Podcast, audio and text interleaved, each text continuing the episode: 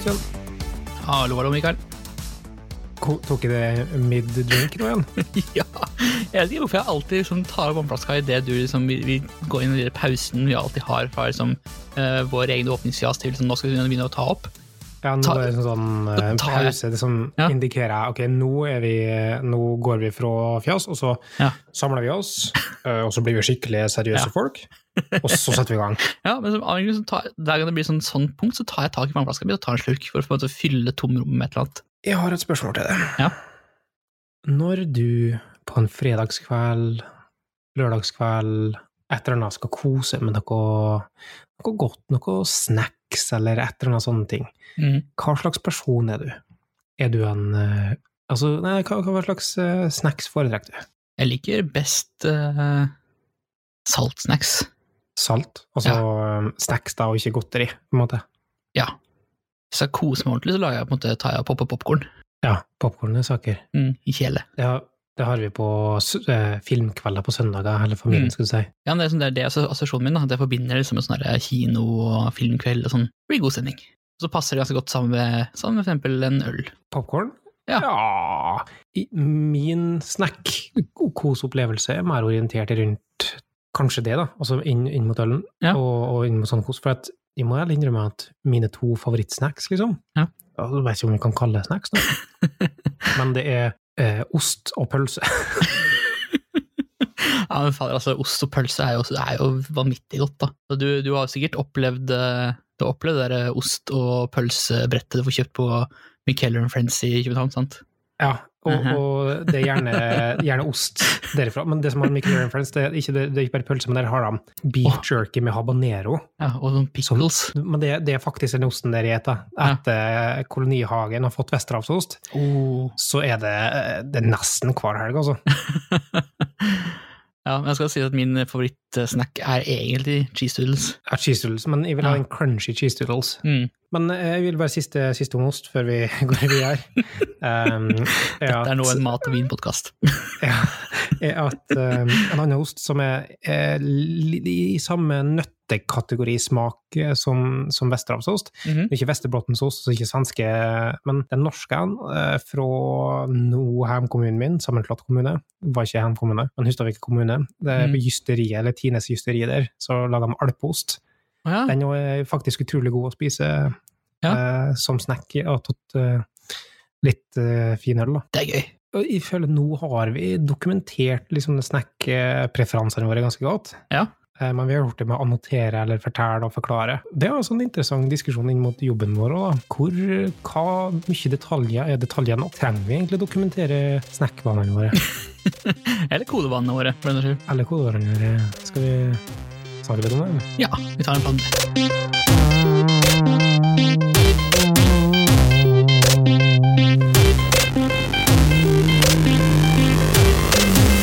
Dokumentasjon, Stian, når vi sier det ordet. Ja. Hva slags assosiasjoner får du da? Eh, Jeg får assosiasjoner til uh, historiefortelling. jeg. Sånn skapelsesberetninger og ligninger fra virkeligheten.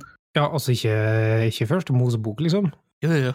Nei, jeg er tredje Mosebok, selvfølgelig. Ja. Den med alle- de rare, rare lovende, lovende reglene. ja. Men er det, er det det du tenker? Altså, Nei, altså, men sånn, men sånn seriøst, liksom. Det, jeg tenker mest på liksom, historiefortelling. Kanskje ikke noen- i den brede forstand, men mer sånn hvorfor eh, har jeg skrevet denne koden? Hva var på en måte hva var mitt, min inngang til problemløsningen på det tidspunktet? Hvorfor har jeg valgt å gjøre det på akkurat denne måten? Det, er det, det, jeg assosi- assosi- assosierer med, med dokumentasjon mer enn den der beskrivende biten, da, som forklarer hva noe er.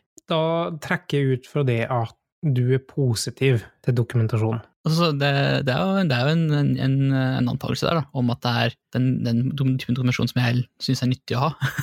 For det finnes jo det, sånn, Dokumentasjon er et ganske vidt begrep, egentlig. Det inneholder jo liksom alt fra uh, annotasjoner av typen eh, sånn uh, i, i.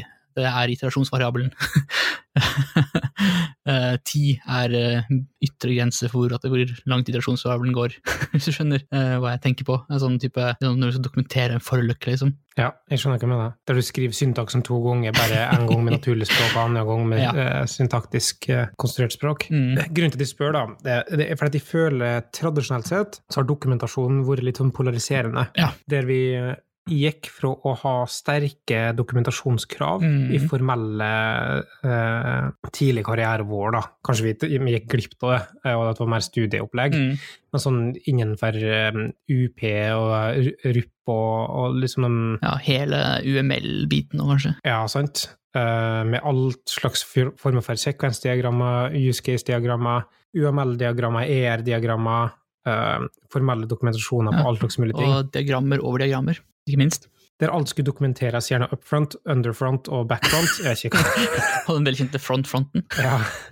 Um, og så ble det en sånn eh, bevegelse om no documentation. Mm. Uh, kanskje til og med liksom tilhørende i lag med smidig. Ja, men også har du den der hele clean code-biten av det òg, som dukka opp litt sånn eh, i samme tidsrom. Alt skulle liksom være selvforklarende, og du ikke dokumentere, dokumentere noen ting. Jeg flytta i større grad dokumentasjon over til å ha verbose variabelnavn, Ja. og tenker at det er dokumentasjon nok. Ja, og så var det sånn, sånn at det, hvis du måtte dokumentere noen ting, så hadde du skrevet hvorfor komplisert, komplisert kode. Og, og så, så den har nå vart ei stund, Mm. føler jeg. Sånn, eh, og så tror jeg kanskje at En ting er det du sier der. Fokus på å skrive enklere, ikke clever code. Mm. Den er jeg fullt med på fortsatt. Det, altså. det går an til å skrive komplisert kode når det ikke trenger å være komplisert. Definitivt. Men så tror jeg òg på en annen ting som blandes inn der, som er at det er kjedelig å skrive det er kjedelig å skrive dokumentasjon, for det gir ikke progresjon på samme måte som det å skrive kodelinjer. Nei, det, det er jo en ting. Den der, det har vi snakka om litt før også. Hva er det som, gjør, hva, hva er det som oppleves som, som nyttig arbeid, da? Det kan være en del holdninger som er liksom sånn at Nei, det er bortkasta mye tid å Mm. sitte og skrive dokumentasjon, på en måte. Så jeg tror den biten der ble blanda inn med kanskje det som er no documentation, som hadde sikkert sånn positiv utgangspunkt eller gode intensjoner, men så blir det misbrukt på et vis.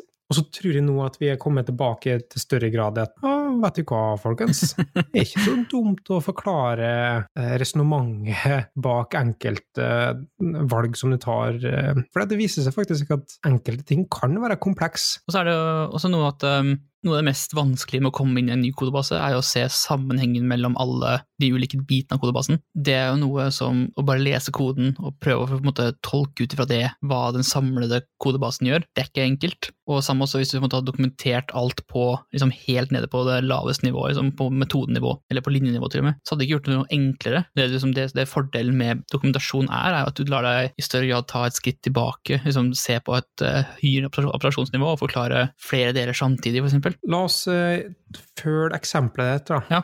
Og så tar vi et skritt tilbake, Mhm. og så sier vi nå hva er dokumentasjon hva, altså, nå nå når du snakker om det nå, de høyere nivå, lavere nivå og sånne ting, da høres det ut som du sier at eh, dokumentasjon er noe som skjer på høyere nivå, og ikke på, på linjenivå. Kan skje på høyere nivå. For det er jo på en måte det, er, det, er det som er liksom, måte magisk med tale, eller sånn skrevet, skrevet språk. Da. Altså, ved, ved å bruke liksom, de organiske språkene våre istedenfor de syntetiske, som kode er, er jo at det gir oss friheten til å, til å abstrahere på et helt annet nivå. Hvis du på en måte skal kom, kom, ta liksom, alt på kodenivå, da, så er det begrensa av kodespråket, de observasjonene det gir deg. Hva slags ulik dokumentasjon finnes det som er nyttig å tenke på, da, tenker du? Så du har jo alt fra måte, et design, designdokument på en måte, som forklarer liksom, ja, Det kommer an på hva slags type ting du skal beskrive, men liksom en sånn designfilosofi eller eh, en motivasjon eller sånn, liksom the reason for being. Det, det, det, altså, det var en ting. Eh, Og så har du jo på en måte mer den der typen eh, grensesnittbeskrivelser. Som du bare beskriver, du beskriver med ord kontrakten mellom, eh, liksom, mellom, program- mellom programmet eller biblioteket eller modulen du har laga og omverdenen. Og så har du på en måte da, interne kontraktsbeskrivelsene, sånn, som er mer sånn metodesignaturer og sånne ting. Det var sikkert enda flere typer også, men det er iallfall de tre som kanskje er det mest vanlige å se. da. Jeg liker å skrive på linjenivå, gjort det ikke. Der det er et eller annet sånn absurditet som vi vet om, men som har en historisk kontekst, eller som, som er av en spesifikk grunn. Så er ikke nødvendigvis det å komme med unnskyldning, men gi kontekst nok til å si liksom sånn at uh, ja, hvis vi skal se på det her igjen, Mm. så er dette her en, eh, en liten kontekst å ta med seg. Ja, og det, åh, det er så mange ganger, mange ganger jeg skulle ønske at det liksom var mer lett tilgjengelig når jeg jobber med en kodebase. Ja, for at jeg er fortsatt der da, at til nærmere kodebasen, til nærmere der du faktisk jobber, dokumentasjonen ligger, desto høyere verdi har den, og desto enklere er det å oppdatere den. Men det er fortsatt ingen garanti, for at det er vi ikke flinke nok til å behandle eh, dokumentasjon som førsteklasses identitet, Nei. så blir den utdatert med en gang, og da kan det være langt mer sårbart enn det er gevinst, altså. Ja, for det er jo, det, det er jo eh, liksom, hovedargumentet til de fleste som syns at dokumentasjon er ordentlig dritt. Det der med at eh, å ja, men da må vi oppdatere to ulike kilder til sannheten. Liksom, du må holde to separate strømmer i synk, og det er, liksom, det er slitsomt. Da. Det er tungt arbeid. Det er slitsomt, og så er det enkelt å si at uh, du må være varsom på det. Mm. Og, og, det å si det, det er fortsatt like vanskelig å gjennomføre, sjøl om Ja. du vet det og klarer over det og sånne ting. Det er utrolig vanskelig, faktisk. Det, det er kanskje, en- sånn Disiplin er kanskje en av de vanskeligste tingene å gjøre, ut, og, måtte ut og utøve over tid. Da. Men, så sånn, jeg, men i hvert fall sånn i vår, eh, i vår tid, eh, med så mye open source software og biblioteker og rammeverk som vi konsumerer, så er det en av de store differensiatorene mellom alle disse alternativene vi har tilgjengelig for oss, er jo hvor god, hvor god dokumentasjonen er. Jeg har en følelse av at folk har begynt å få, en, få liksom øynene opp for hvor viktig dokumentasjon, kan være. Da.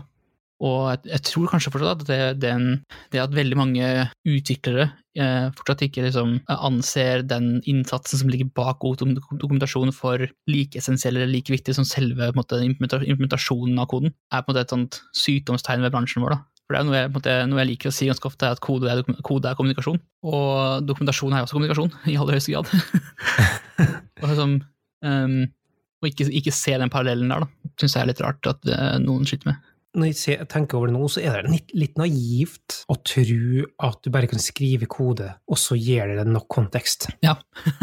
det at du har noen variabler, noen verdier, som, som, en verdi som transformeres. Mm. At, at du måtte, klarer å kommunisere sammenhenger som går langt utenfor kode, Mm. bare med koden i seg sjøl. Og så er det noen som vil hevde da, at uh, tvert som måtte, flere programmerspråk kan dukke opp som er veldig ekspressive i, de, liksom, i hvilke typer ting de kan kommunisere, for, som for eksempel eh, med språk med veldig godt utvikla typesystemer. At du kan, liksom ut, du kan nesten uttrykke alle reglene i domenet ditt som en type definisjon, og at det kanskje måtte, er nok da, til å være forklarende med tanke på ja, hvordan, hvordan domenet faktisk fungerer. Men igjen, sant, da snakker du gjerne om ML-språk og sånne ting. Da. Har du sånn som, som, som Haskell og, og OCaml eh, med Jane Street, F-sharp. eh, ja, F-sharp ja, og OCaml-basert, de hviler seg så mye på typedefinisjonene sine at de tenker at det er dokumentasjon nok til all slags standardbibliotek, men det er det virkelig ikke. Nei, for liksom, du får, liksom, du får problemet igjen, da. At uh, du har beskrevet hva alle bitene i programmet ditt er, men du har ikke liksom, klart, klart å i like stor grad beskrive hvordan de bitene eh, henger sammen, eller de bitene har, måte, eller hvorfor de bitene er akkurat de bitene de er. da. Pil A, pil B, pil AA. uh, unit. Det, det er ikke Gir ikke nok kontekst til meg, det. Nei, altså det er jo som å lese, det som å lese et algebraisk uttrykk fra en mattebok. ikke sant? Det, det krever mye mental, mental overhead å tolke, på en måte. før du sender inn melding. Selvfølgelig kan du bli flinkere, og selvfølgelig kan du få mer trening på det, men det er ikke en god nok argumentasjon. Nei, du må bare legge inn et år med å skjønne det, og så er det enkelt å skjønne. Men så har du på en måte, du har jo det samme der òg, som du har i kode, at du kan jo istedenfor å kalle typene dine for A, pil, B, pil unit, liksom, så kunne du navngitt de tinga og gitt dem, eh, gitt dem navn som ga mening i domenet du opptrådte i. da. Ja, men dokumentasjon som er generert på alle de med Haskell og OCaml og sånne ting, de er ikke det, for de er automatisk trukket ut fra typesystemet via eh, en kompilator eller noe som gjør at de har ikke kontekst om hva slags navn på parametere er, tror jeg. Nei, uh, ja, men det, det gir jo en del artige effekter likevel, da. Men ja, men eh, som, vi er jo egentlig enige her, da, at det, det er ikke godt nok. For det er ikke, sånn, det er ikke, det er ikke lesbart for sånn, eh, halvparten eller mer sånn, de, de som skal på en måte konsumere den koden her. en type dokumentasjon vi skal bestandig til. Altså, vi, vi, vi Misforstå meg rett. Altså, vi, jeg tenker vi burde skrive kode, eller burde skrive ting vi lager på en så måte at vi etterstreber at vi ikke trenger dokumentasjon. Det er et godt utgangspunkt å ha, tenker jeg. Men én type dokumentasjon skal vi jobbe ekstra hardt med, tenker jeg. Og vet du hva slags dokumentasjon jeg tenker da? Nei. Nå er jeg spent. Det, øh, nå kom vi på to, da, men den, den som jeg egentlig først tenkte på, er brukerdokumentasjon. Det å skrive side opp og side ned, liksom sånn trykk på den for å gjøre det, trykk på den for å gjøre det. Kanskje er det så arkaisk at det er nesten ingen som gjør det lenger, men det er enkelte som fortsatt har de kravene. Hvis du må ty til det, må vi jo jobbe litt med, mer med å skape noe intuitivt. Ja, men så er det, måte, det er jo noe der også, med, det er grenser for hva som kan være intuitivt også. Så på et eller annet, et eller annet tidspunkt så er det, lager du ekspert, eh, ekspertsystemer. Kan du tillate deg å anta at de som skal, skal bruke det, er eksperter og kan læres opp til å være brukere. Det finnes absolutt use caser for det. Jeg tror bare den terskelen altså Vi burde etterstreve å ikke uh, ha den i så stor grad. Da. En annen ting jeg kom til å tenke på, er Du snakka om open source og sånne ting. Oppstart av prosjekt. Men jeg, jeg ser på, egentlig på det som, som, en, del, som, som en del av brukerdokumentasjon. Ja. For det jeg tenkte, jeg tenkte på når du sa brukerdokumentasjon, var det at liksom, brukerdokumentasjon for et uh, bibliotek, da, for eksempel, hvordan skal jeg bruke dette her i mitt prosjekt, så er jo tenker man jo kanskje på at ok, hovedleveransen er å levere biblioteket ferdig, liksom. Men så tenker jeg at den, den human interfacen da,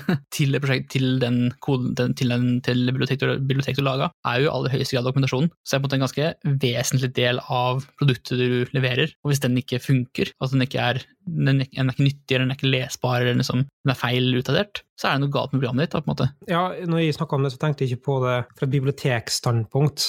Nei, uh, mer sånn i, software. I ja, I hodet mitt så er det totalt utenkelig å, å, levere et bibliotek uten dokumentasjon.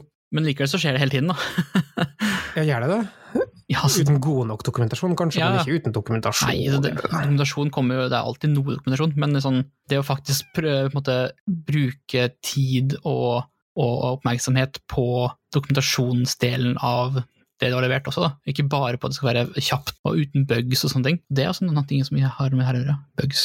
holdt, jeg på, holdt jeg på å sidetrack meg sjøl. Men ja, liksom, fordi det er jo i aller, er i aller høyeste grad en essensiell del av totalpakka di. da. Liksom, det springer jo det du leverer er den kjappeste og det mest, mest feilfrie. fordi hvis ikke jeg skjønner det, hvordan jeg skal bruke det, så klarer jeg ikke å bruke det. Eller skjønner hvordan du skal bruke det på best mulig måte. Ja. Men igjen så burde du etterstreve at det å bruke, bruke på best mulig måte er å innebygd i API-et dette. Så API er en slags form for dokumentasjon, det òg. Ja, ja, definitivt. Og så må du legge opp til uh, at, du er, at du, du, er, konsekvent i hvordan ting fungerer, konsekvent i hvordan feilmeldingene oppstår, og hvordan de hvordan feil, feil, propageres og sånne ting. Bare det hele tatt å være, være måte, konsistent i designet sitt har veldig mye å si. Skal vi starte en tjeneste på nettet? Som Rate my documentation. Ja, det er, eh, det er en annen art i det. Men jeg tenkte på eh, lage et system for å brukerteste bibliotek. Åssen eh, tenker du at det skulle Det recorde at folk prøver å ta det i bruk. Ja, sånn ja.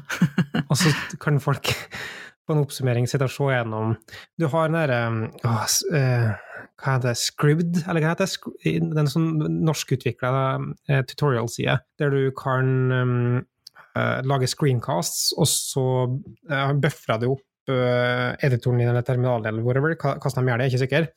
Sånn at når du ser tutorialen, så ser du en live-avspilling i en online editor på nett. Så tekst er faktisk tekst som de har tatt opp, sånn, ja, eh, som blir avspilt, ja, så du kan redigere tekster og så videre. Kult. Du kan bruke samme teknologi, eh, at folk recorder seg sjøl mens de bruker og, og ja. tester det ut, og så kan du på en måte sitte og observere i ettertid hvordan folk bruker det, ja. notere ned, se hvordan API er. For at, hvordan er vi nå liksom skal lage intuitive API eh, uten dokumentasjon? Er testdrevet utvikling, så du tenker API først. Mm. Men det er ingen sånn validering av hva er den mest intuitive API-formen. Men sånn, det der problemet der eksisterer jo også innenfor vanlig softwareutvikling. Altså, hvordan skal du validere at den, at den du har laga på nettbanken for eksempel, er brukervennlig? Ja, for det jeg mener, da har, du, da har du som regel, har du som regel en, en, blanding av kvalitativ og kvantitativ undersøkelsesform som gjør at du kan eh, validere enkelte hypoteser du får, og re reevaluere det. det poenget, poenget, mitt er egentlig bare at det kun, det kun kan og bør vi gjøre også med dokumentasjon. Da. Særlig hvis hovedleveransen i det er et bibliotek? Ja, eller rammeverk, eller whatever. Altså, eller ikke bare det heller, men sånn, du, kan jo, altså, du, kan jo, egentlig se på det på den samme måten også for uh, intern dokumentasjon. Da. Hvis du er, jobber i en organisasjon med mange systemer, og du er avhengig av at, at systemene driftes og vedlikeholdes av forskjellige team som ikke jobber med hverandre til daglig. Ja, Det kan hende at de er farga til å jobbe i en situasjon der vi har utrolig mange arbeidsoppgaver på utrolig få folk. Ja, ja I store organisasjoner er det gjerne omvendt. da. At du har eh, flere folk enn egentlig sånn konkrete arbeidsoppgaver. Men eh, ja, fordi sånn, det er utrolig viktig å drive, driver med dokumentasjon internt også, selv om du kan ta deg friheten til å bare sende en person fra teamet over og så holde ditt foredrag og så ferdig med det. Ja, og det er helt enig og det har vi snakka om eh, før, tror jeg, men sånn, jeg er egentlig en tilhenger av at du skal strukturere opp interne moduler som om de skulle vært eksterne moduler òg, da. Eh, og, og det genuint mener jeg er viktig, men ja. det er sjelden de får til å ta med tida til å vedlikeholde det på en god måte. Ja. I hvert fall nå, igjen, Ja. Det er liksom sånn det er jag etter jag etter jag, for Ja. det er så knapt om ressurser. sant? Ja, men det er også litt sånn, det sier noe om måte, hva, hva som blir verdsatt. da. Ikke bare av en- in- enkeltindivider, men også måte, av organisasjonen på organisasjonsnivå. Og Det er jo egentlig litt synd at uh, dokumentasjon, som kanskje er den, den tingen som gir mest avkastning i måte, med, da. hvis du ser bort fra liksom, den der rene funksjonelle bunnlinja som kommer av at noe fungerer eller ikke fungerer, så er det på en måte det sånn uh, for, forvaltning over tid. Liksom det, det du får mest igjen av der, er jo på en måte å ha god dokumentasjon. Det blir abstrakt, da. ikke sant? Det blir veldig abstrakt. og det, er, Mm. det å se verdien av langtidsinvesteringer er jo noe vi mennesker er notorisk dårlige til. Ja, også ikke bare det, men vi kan jo se verdien av det som utfører det. Mm. Så skal du overføre den verdien, eller eh, synliggjøre den verdien til en produkteier, eksempel. Ja, eller, eller helt bare ta et enda mer eh, konkret eksempel. At sånn, hvis det brenner på dass, hvordan skal du måtte over, overbevise noen om at det er lurt å kjøpe dopapir, mer dopapir? Ja. ikke sant? Men da har du på en måte, problemet ditt da er jo egentlig ikke at eh, å, jeg må overbevise noen om å kjøpe mer dopapir. Problemet ditt er at det brenner på dass. Ja, den er, den er fin, den analogien. Altså. Jeg prøver bare å stikke hull på den, men den, er vanntett. skal si. Eh, sånn, sånn, ja, argumentasjonen din er ja, Da kan du gå og si liksom sånn Ja, selv om det brenner på dass akkurat nå, så må noen drite etterpå. Men det er akkurat det samme, det. Det er, helt, det, er, det er så fin analogi. Jeg tror ikke at vi har mer å tilføre på den eh, diskusjonen her. Ja, oppsummert, dokumentasjon er eh, dopapiret på doen som brenner. Ja, altså, dokumentasjonen brenner ikke, da. Altså, dopapiret brenner ikke. Av, av en eller annen grunn. Eh, Ja. sånn, ikke ta metaforen for langt. Jeg tror den er Mm. fin. siden. Har du fått sagt det du ønsker å si? Ja, altså, jeg har egentlig fått, fått ranta nok om at eh, dokumentasjon er eh, fine greier. Altså. Og det er sånn et, et hjertesukk at eh, ikke flere på en måte, ser på dokumentasjon som en verdifull og essensiell del av måte, hele prosessen. Da. Og da høres vi ganske sånn dømmende ut, eller sånn der Ja. pekende ut, men, men som om vi er perfekte til å skrive Nei, dokumentasjon på sånn. ingen sånn. måte. Jeg er ikke god til å skrive dokumentasjon, men jeg prøver. ja. Og jeg prøver å se ok, Mm. hvor er nivået her som kommer til å bringe verdi når jeg kommuniserer dette her, enten til meg sjøl i framtida eller andre. Hva er da nyttig å kunne av den konteksten? Og for min del så handler det om å knytte ting eh, imellom hverandre, og så hele veien fra, fra innsikt til ut, uh, out, eh, output og potensielt outcome, eh, og på detaljnivå hvordan de forskjellige leddene inni der fungerer. Da. Og så er det jo på en måte, det artige sekundæreffekter til ikke sant? det å sette seg ned og på en måte prøve å beskrive et system, fører fort til at du avdekker eh, måte feil i din egen forståelse. Da. Du kommer, liksom, det, det å sette seg ned og skrive noe med egne ord, gjør plutselig at du skjønner at det, oi, sånn, her var det noe som jeg ikke helt skjønner hvorfor er sånn. I hvert fall mye enklere å skrive det med egne ord enn å skrive med andre sine ord. ja, og så er det mye lettere å skrive med, steg, med sitt eget språk enn å skrive med et kunstig eh, prøv- Altså et, en syntetisk språk, ja. Ja, som, som har veldig arbitrære begrensninger. Det er derfor det lønner seg å skrive dokumentasjon i AppleScript. Den, den prøver å være et naturlig språk. Syntaks. Ja, det, det er et tema for en annen gang, tror jeg. Den der uncanny valley mellom eh, programmeringsspråk og, og et organisk språk. Ja, det er en interessant måte å se på den Kenny Valley.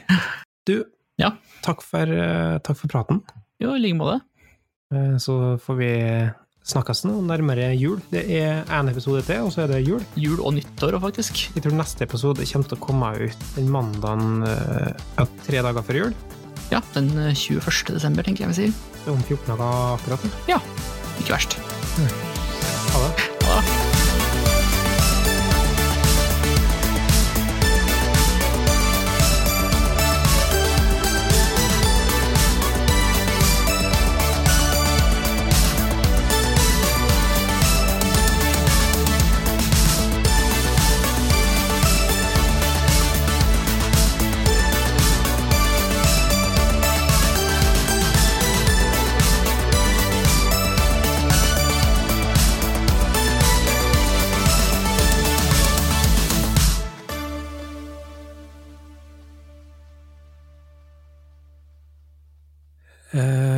Vet du hva? Er det én ting vi alle kan si om 2020, så er det at det har vært for lite Nickelback.